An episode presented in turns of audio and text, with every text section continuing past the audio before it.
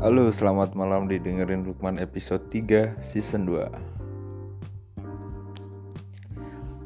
Eh, Selamat memasuki bulan Ramadan Selamat berpuasa Selamat Apa ya? Selamat ya? Eh, selamat berpuasa bagi yang menjalankan bulan puasa Ramadan yang paling sunyi karena pandemik tidak ada hiruk pikuk masjid tidak ada hiruk pikuk jualan bazar Ramadan tidak ada hiruk pikuk bocil-bocil nyalakan petasan tidak ada tidak ada berita tarawih tercepat di dunia. Hmm, tidak ada apa ya? Gak ada yang ngajak mokel bareng. Gak ada, gak ada yang ngajak mokel berjamaah. Tidak ada, tidak boleh makan di tempat. Hmm, iya tidak bisa mokel itu, gak bisa ngopi. mokelnya ngopi. Eh nggak bisa. Hmm, oh berkah berarti ya? Ngurangi ngurangi ngurangi ngurangi batal puasa ya berarti covid. Oke. Banyak begal, begal ya di ini selama pandemik ini. Banyak begal banyak kejahatan banyak pencurian khususnya yang ngambil-ngambil barang ya rantai kemiskinan selalu menjadi problem di sebuah negara, semua negara di semua negara. Rantai kemiskinan yang tidak bisa putus. Ngomongnya memutuskan rantai kemiskinan dengan cara liberal tidak bakal mungkin. Ya kita ini kan ekonomi lebih liberal ya lebih condong ke liberal. Segelintir orang yang nikmatin pundi-pundi uang. Kayak Pancasila udah kabur lah. Slogan. Ya dilakukan tapi nggak semuanya. Semua negara semua negara mau itu sosialis demokrat komunis sama aja. Kemiskinan menjadi momok utama. Tidak bisa. Jadi kita harus ngeliat sudut pandang begal tadi ya. Pasti dia di rumahnya banyak tekanan. Lapar mungkin. Tidak ada cara. Hmm, atau dia nih ngeliat temannya punya apa jadi ikut oh, oh begal itu tukang suruh aja ya buruhnya ya. Penjahatnya diem aja. Bayaran begal begal tuh kan banyak anak muda ya. Banyak anak muda. Jadi mereka sistemnya rekrut itu kebanyakan ya bukan atas inisiatif sendiri pasti udah terorganisir lah. Mereka nyuri langsung dijual barangnya barangnya itu ntar dipecah jadikan spare part terus ntar dijual lagi. Tapi itu udah terorganisir lah udah ada udah ada pasarnya pasar gelap. Ya. jadi yang pedagangnya nih atau penjahatnya nih penjahat utamanya ini ngerekrut anak muda. Bayarannya berapa ya? 500 sampai sejuta lah tiap motor yang dicuri ya. Tiap motor yang dicuri bayarannya segitu ya. Hmm, kita pengen ngilangin begal begal.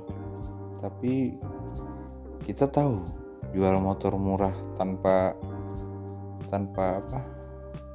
Nomor mesin. Asal muasal barang itu nggak jelas tanpa kita tetap tahu tempatnya ya kayak kejahatan di sekeliling kita kayak biasa udah. Tapi pas dibegal wah banyak be begal ya. Musuh nggak nyadar sih kok banyak begal? Pasarnya kan ada banyak yang beli ya pasti ada. Hmm, ya udah berarti jangan beli beli motor atau onderdil motor yang nggak asal muasalnya nggak jelas. Nggak juga nggak mutus juga. Pasti ntar dia begal apa lagi gitu. Nggak mutus. Nggak ada ya? Nggak ada. Gimana cara memutus rantai kejahatan khususnya begalnya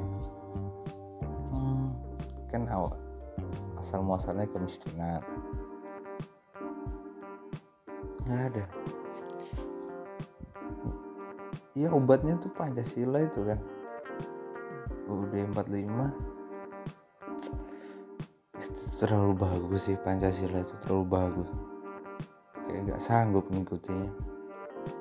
Mungkin nggak ya dijalankan nggak mungkin. Satu sampai empat oke lah. Pas kelima udah ah. Nggak mungkin. Terlalu bagus Pancasila itu. Hmm. obatnya kan Pancasila ya sebenarnya. Koperasi. Koperasi ya sekarang buat kedok. Buat kedok lintah darat buat koperasi. Simpan pinjam mana rata-rata kedoknya lintah darat. Di banyak sebagian ya. Sebagian. Nama udah buruk koperasi. Padahal cita-cita koperasi yang nggak kayak gitu kan. Ya di episode selama sebelumnya ya udah bahas koperasi. Ya kuncinya sebenarnya koperasi ya. Apa aja? Apa aja? Guyup gitu misalnya teman-teman di Malang ya misalnya. Kita harus guyup misalnya yang ngekos khususnya ya ngekos yang masih hidup single lah belum punya tanggungan hidup. Kita guyup harusnya. Guyup kita buat dapur buat kita kita aja. Nanti kita yang mau ikut kita catetin kita buat dapur. Deh tempat mana yang bisa jadi selama sebulan ini kita aman makannya hmm nanti nggak aku masih ada uang kok. Ah, nggak tahu ya. Sebulan ini kamu bakal masih ada uang atau enggak? Mendingan tuh kita guyup deh. Iya kalau misalnya enggak ya untuk bulan ini aja. Enggak ide ya. Jadi kita sebulan ini buat dapur. Nah, dapur-dapuran buat makan kita nanti didistribusikannya piket gitu ganti-gantian ke rumah-rumah yang anak-anak Malang yang masih ngekos yang nggak boleh balik ke rumah. Lumayan itu ngemat uang. Nah uangnya nanti dipikirin buat jualan apa ditabung. Paling iurannya berapa kita? Jelas lebih murah dibanding kita uh, beli makan sendiri ya atau masak pribadi ya kan ini mungkin ada satu anak kos yang kaya membantu anak kos yang sedang miskin. Ya kan kayak gitu kan cita-citanya. Insya Allah aman lah sebulan sampai lebaran. Habis lebaran kan baru boleh pulang kan kalau belum selesai pandemiknya satu persoalan bisa aja selesai. Hmm. ah tapi nanti makanannya bosan hmm, iya ya. Pasti ada yang ngomong kayak gitu tapi menarik loh. Eh ini idenya nih nggak murni ya. Ini aku ngeliat pedulipangan.com itu. Nggak murni dari aku ngeliat pedulipangan.com buatannya orang-orang pintar. Wah keren ini gue uh gimana kalau kita buat juga teman-teman Malang lah pokoknya. Di Malang dulu. Buat kita sendiri lah. Buat survive di dua bulan ini lah. Apa kita tentukan dapur lokal. Eh dapur dapur dapur umum. Buat dapur umum. Set. Kita masak. Di jadwal dipiketin yang nganterin. Yang masak nggak usah di ini nggak usah diantre yang masak satu aja.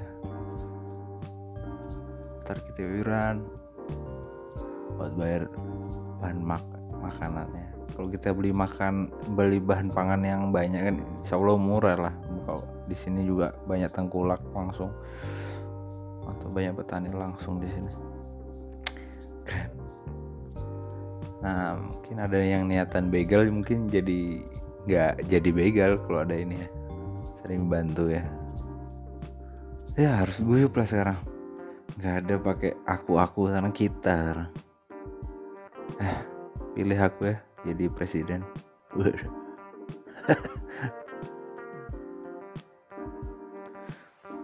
Keren lah keren. Kalau kita guyup ah jadi kita nggak bukan apa-apa bareng ya? Aku juga nggak suka rame-rame sebenarnya tapi ya harus bareng. Harus bareng ngadepin kayak gini nggak bisa ditanggung sendiri. Ya kalau yang masih merasa kaya ya dua bulan lagi kan nggak tahu kan kita masih kuat apa enggak di orang si siapa? Kumpulan pengusaha-pengusaha tuh ngomong tiga bulan untuk tabungannya tanpa kerja itu tiga bulan aja. Jangka waktu uangnya itu habis tabungannya untuk dipakai buat makan dan segala macam selama tiga bulan tanpa kerja. Ini nggak tahu ya ini baru 8000 yang dites belum sampai 2 juta. Minimal tes covid ini kan 2 juta baru Indonesia bisa dikatakan sudah dites semua rasionya 0,6 persen. Ya melanjutkan semangat dari Bung Hatta di episode sebelumnya ya dengan cita-cita kooperasi ya. Mengumpulkan orang-orang lemah. Ya kita anggap ini kita sekarang lagi lemah ekonomi. Kalau kita guyup insya Allah lah. Nah mungkin setelah lulus dari covid ini kita kalau misalnya mau ngadepin masalah apa pun wah udah oh wes tahu lah. Guyup aja. Ini jauh. Eh itu aja. Sekian dulu. Assalamualaikum. Wih aku salah ya. Sekarang